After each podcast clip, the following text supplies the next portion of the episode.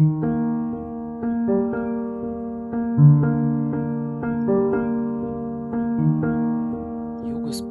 Jugospora, Jugospora, Jugos, Jugospora, Jugospora, Jugos, Jugospora. Dobrodošli na Jugosporu. Ovo je rubrika čitanja eseja.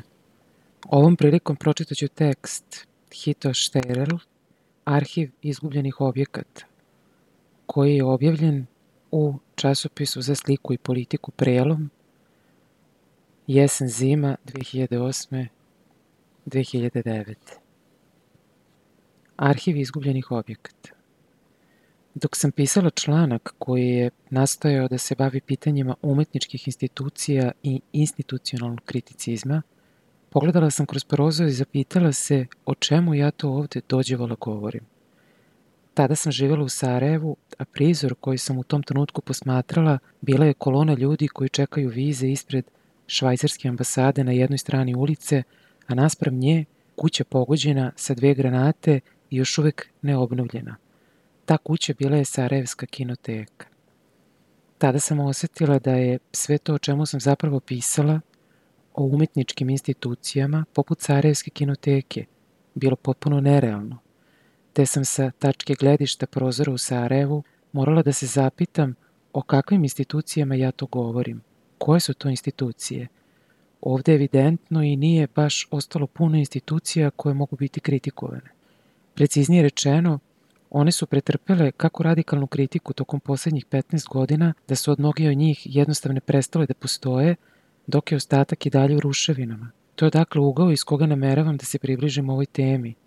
Želim da analiziram uništene institucije i jedva funkcionišuće institucije, institucionalna smetlišta i da sve to povežem sa projektom na kome trenutno radim. Istovremeno, želim da promislim mogućnosti izgradnje nečeg sasvim novog iz tog smetlišta. Ne tvrdim da bi jednostavno trebalo ponovo izgraditi ili rekonstruisati stare institucije, već upravo osmisliti nove, na tim istim temeljima. U svakom slučaju, već sa prvim redovima ovog teksta jedna stvar mi se učinila posebno indikativnom. Najradikalnija forma institucionalne kritike tokom 80. i 90. nije bila ni umetnička ni progresivna, već naprotiv, reakcionarna, neoliberalna ili nacionalistička, rasistička, fundamentalistička, a najčešće sve to istovremeno. Institucije su kritikovane bilo zato što nisu bile prilagođene potrebama tržišta, bilo zato što nisu bile dovoljno lokalne, domaće i zavičajne. Sve te forme institucionalne kritike behu beskonačno uspešnije od liberalne ili radikalno demokratske kritike institucija, prisutne istovremeno. Međutim, njihove posledice je daleko teže identifikovati u odnosu na žestoke napade koje je reakcionarna kritika sa sobom donela. Ona je jednostavno uništila i razrušila veliki deo modernističkih kulturnih institucija, kao i njihovih verovanja u edukaciju i participaciju, bez obzira koliko nerealizovane ove aspiracije bile. Volela bih da predstavim nekoliko slučajeva reakcionarne kritike institucije u svom najradikalnijem obliku. Ti drastični primeri simptomi su opšteg trenda koji je pogodio i kulturne institucije u državama blagostanja na zapadu, ali u mnogo blažoj formi. Govorit ću o primerima vezanim za projekat po naslovom Arhiv izgubljenih objekata, Archive of Lost Objects, na kome trenutno radim u Sarajevu. Ovaj projekat predstavlja istraživanje paradoksa same dokumentarne forme. Na koji način se on dotiče kulturnih institucija? Radeći na arhivu izgubljenih objekata, susretali smo iznova i iznova sa nestajanjem modernističkih, multietničkih, osnažujućih i participatornih formi kulturnih institucija. Nestajanje takvih institucija po čitavoj bivšoj Jugoslaviji dešava se već tokom 80. godina i najradikalnije tokom ratova 90. Za prvi primer kulturne institucije izložene radikalnoj institucionalnoj kritici možemo uzeti kinoteku u Sarajevu, koja je u poslednje vreme bila tako reći militantno kritikovana. U stilu gorkog zaokreta Marksovog čuvenog statementa čini se da je u ovom slučaju oružje kritike zamenjeno kritikom oružjem. Kinoteka je klasična socijalistička gradska institucija koja se brine o celokupnoj filmskoj produkciji Bosne i Hercegovine. Promoviše umetnički film i dejstvuje u ekstremno lošim finansijskim okolnostima. To je prilično nisko budžetna institucija, ali institucija koja i dalje funkcioniše, bez obzira što je tokom rata dva puta pogođena granatama. Veliki deo filmskih traka izgubljen je tokom napada ili iskorišćen za grejanje, pošto filmska traka dobro gori. Zahvaljujući herojskim naporima zaposlenih u Jugoslovenskoj kinoteci Beograd, gotovo svi printovi su rekonstruisani, a kolekcija je povraćena. Kinoteka i dalje prikazuje filmove, mada s vremena na vreme pod zaiste neobičnim uslovima. Kada smo stigli tu usred dana, čuveni partizanski film Bitka na Neretvi iz 1969. bio je prikazan u potpuno praznoj bioskopskoj dvorani. Osoba zadužena za projekcije tvrdi da se svi filmovi puštaju jednom godišnje, bez obzira na posetu publike, kako bi se filmovi provetravali i sačuvali od daljeg propadanja. Vratimo se instituciji. Uprko svim konzervatorskim naporima, nekoliko filmova iz kolekcije dalje nedostaje i nepovratno je izgubljen tokom rata. To su neki od prvih mesečnih filmskih žurnala napravljenih u Bosni i Hercegovini nakon drugog svetskog rata. Nedostaju brojevi 1, 2 i 20. Žurnali su obično prikazivani pre filmskih projekcija i predstavljali su selekciju novosti o socijalističkim produkcionim naporima, konstrukciji traktora, inauguraciji novih fabrika i sl. Kako su ove trake nestale? Žurnali su zapravo bili snimani na nitratnim trakama koje su lako zapaljive iz tog razloga čuvane na sigurnom mestu, bunkeru u filmskom studiju na periferiji grada. Međutim, u prvoj fazi opsade Sarajeva 1992. godine ovaj studio se uveliko nalazio na ničijoj zemlji između dve granice. Budući da je imao dva ulaza, moglo mu se pristupiti i sa srpske i sa bošnjačke strane. Ljudi sa srpske strane su očigledno znali za printove i evakuisali su ih u kuću takozvanog Đokića, koja se nalazi sa srpske strane. Međutim, za ovaj pokušaj povlačenja se saznalo na bošnjačkoj strani te je kuća Đokića pogođena granatom i nestala u plamenu.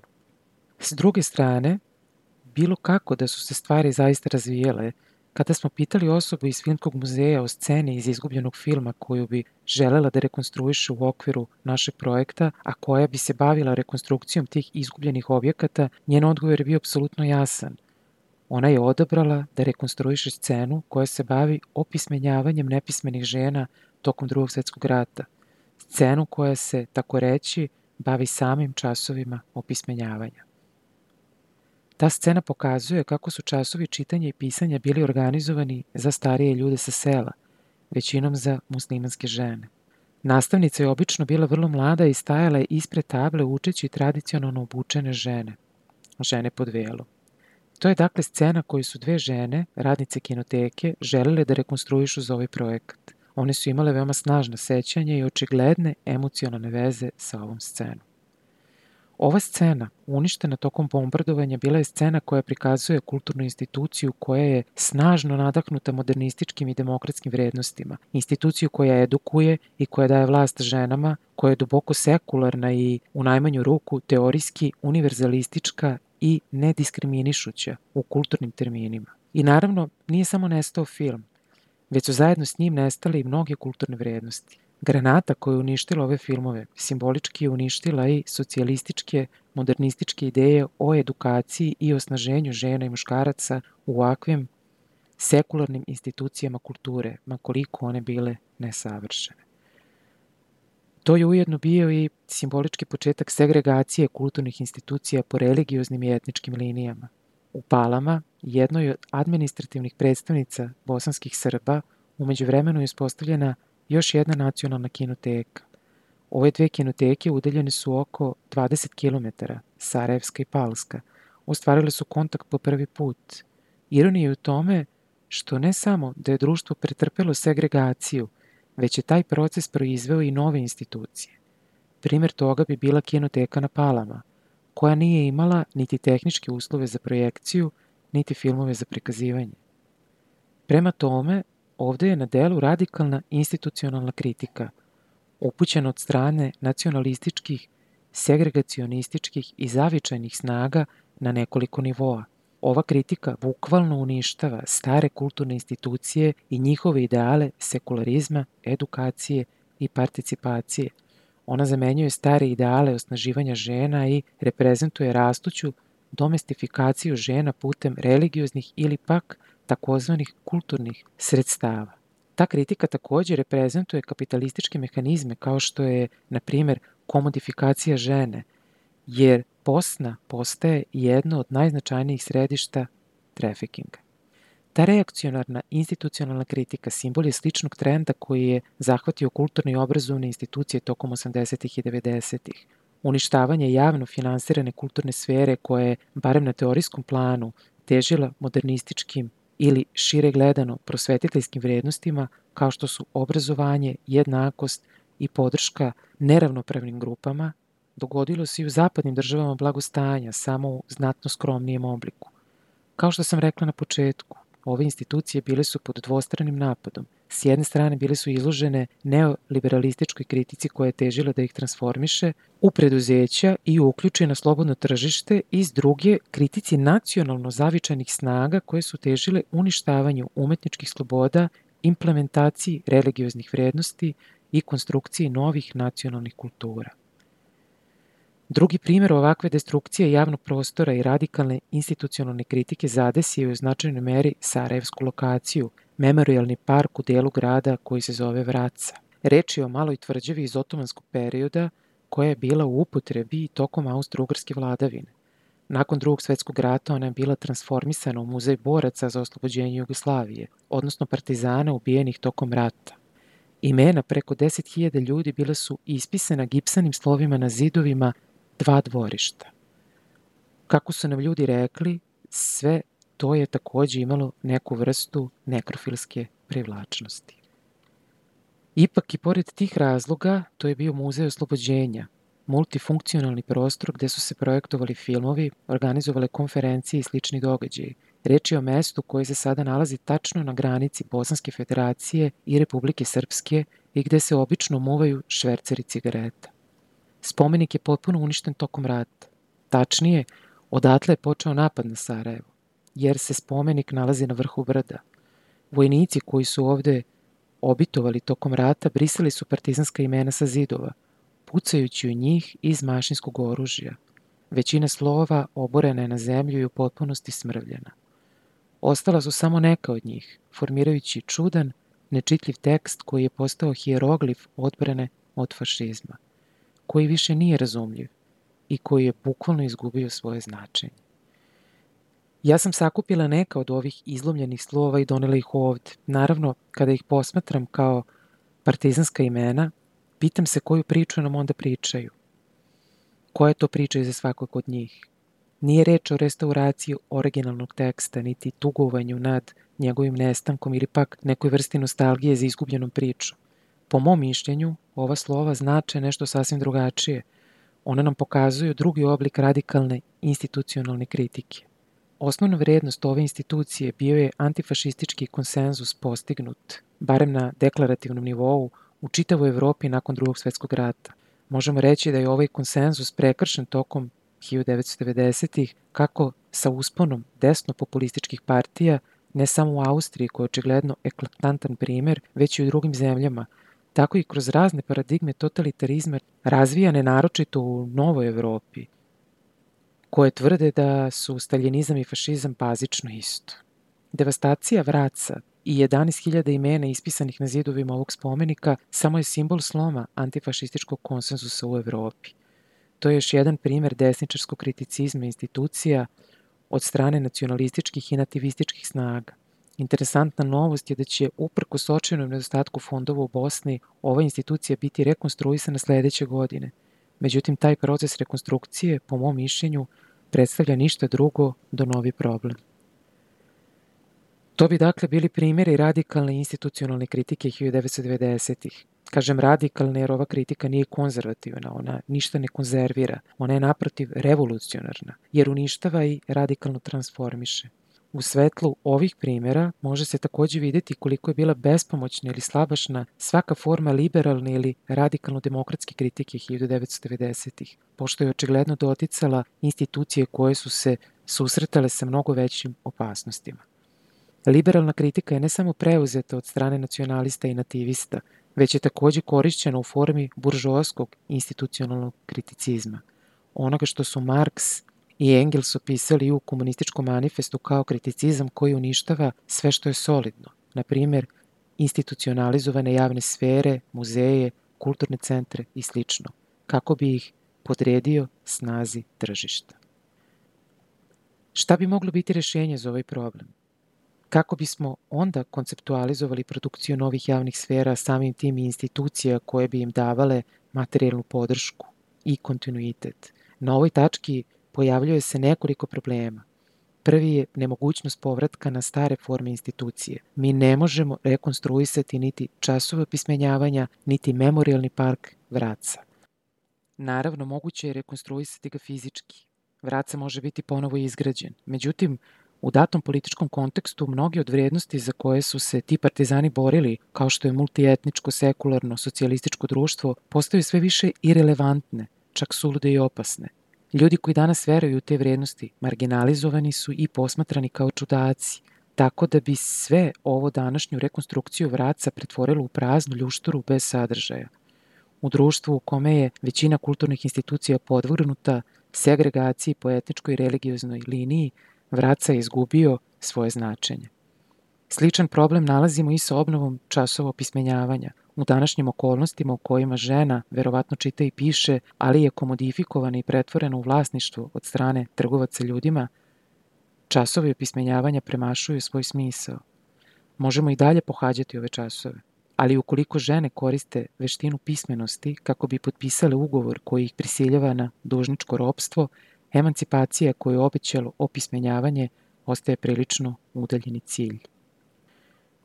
Problem rekonstrukcije izgubljenih institucija i nemogućnost da se one obnove problem je kojim se bavimo u projektu Arhiv izgubljenih objekata.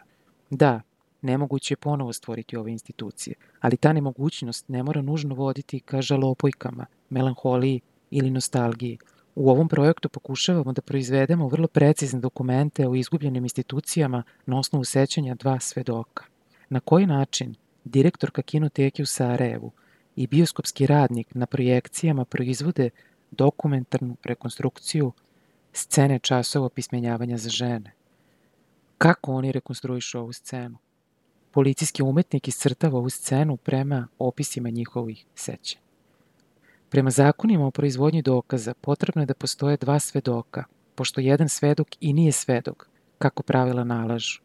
Da bi se dokaz proizveo, potrebna su dva svedoka – jer je sve drugo rekla kazala.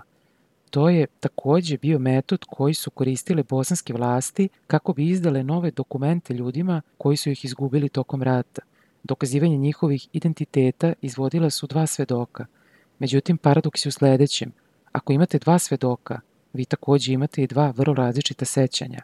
Oba svedoka se sećaju različitih stvari, tako da u trenutku nastajanja dokumenta tako reći objektivnog dokumenta, potvrđenog od strane dva svedoka, on takođe postaje kontradiktoran.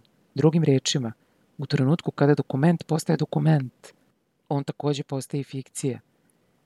Izgubljeni objekti koje ovde rekonstruišemo istovremeno su i objektivni i fiktivni, i istiniti i izmišljeni. Oni postaju dokumentima upravo kroz tu konstitutivnu razliku. U tom trenutku proces rekonstrukcije postaje zanimljiv – On se više ne tiče otkrivanja izgubljene istine iz prošlosti, već postaje kreativni proces izmišljanja nove istine koje dolaze iz budućnosti. Otkrili smo da su se ta sećanja samo delimično oslanjala na izgubljeni film. Zapravo čovek zadužen za projekcije je čvrsto tvrdio da nikada nije video taj film, već da se njegovo svedočenje uglavnom oslanja na lična sećanja i igrane filmove. Ova svedočenja su se, tako reći, manje bavila pitanjem kako je ta scena zaista izgledala, već pre kako je ona trebalo da izgleda, što je postalo u potpunosti jasno na videotraci napravljenoj na osnovu procesa crtanja scene. To je video koji dokumentuje ove procese kreativnog izmišljanja. Svedoci zapravo nisu izmislili čas opismenjavanja koji su videli u prošlosti, već čas opismenjavanja koji bi želeli da vide u budućnosti, koji bi na neki način bio suprotstavljen reakcionarnim procesima koji se dešavaju sada – Tako se na neki način desilo nešto veoma zanimljivo. Upravo korišćenjem standardnih procedura za proizvodnju istine i dokumenta, čak i forenzičkih sredstava za rekonstrukciju objekta, sve do tačke prekomerne identifikacije sa istima, proizvedena je neka vrsta kreativne fikcije, to je nešto potpuno suprotno. Rezultat insistiranja na objektivnoj slici prošlosti bio je u stvari fiktivna zamisao nečega što bi se moglo desiti u budućnosti.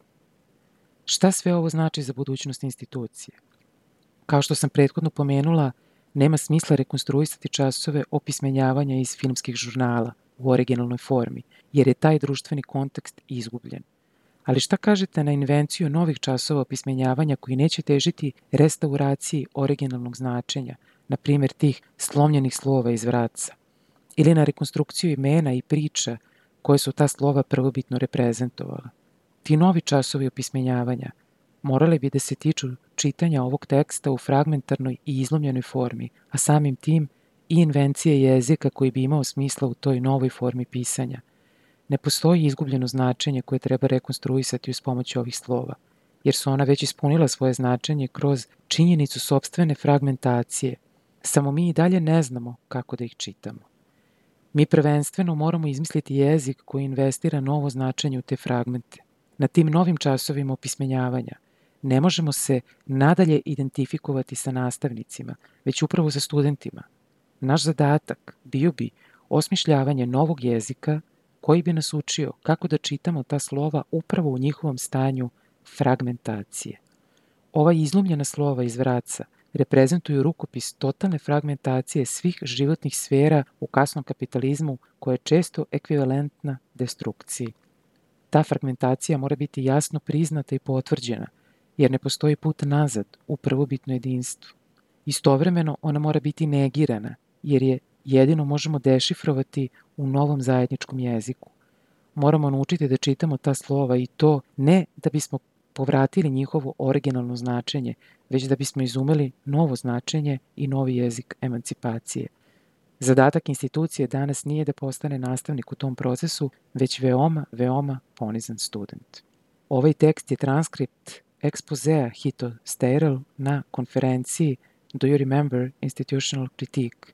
Sećaš li se institucionalne kritike? Održane u Umetničkom muzeju Lentos u Lincu tokom 12. i 13. oktobra 2005. godine. Sa engleskog prevela Jelena Vesić.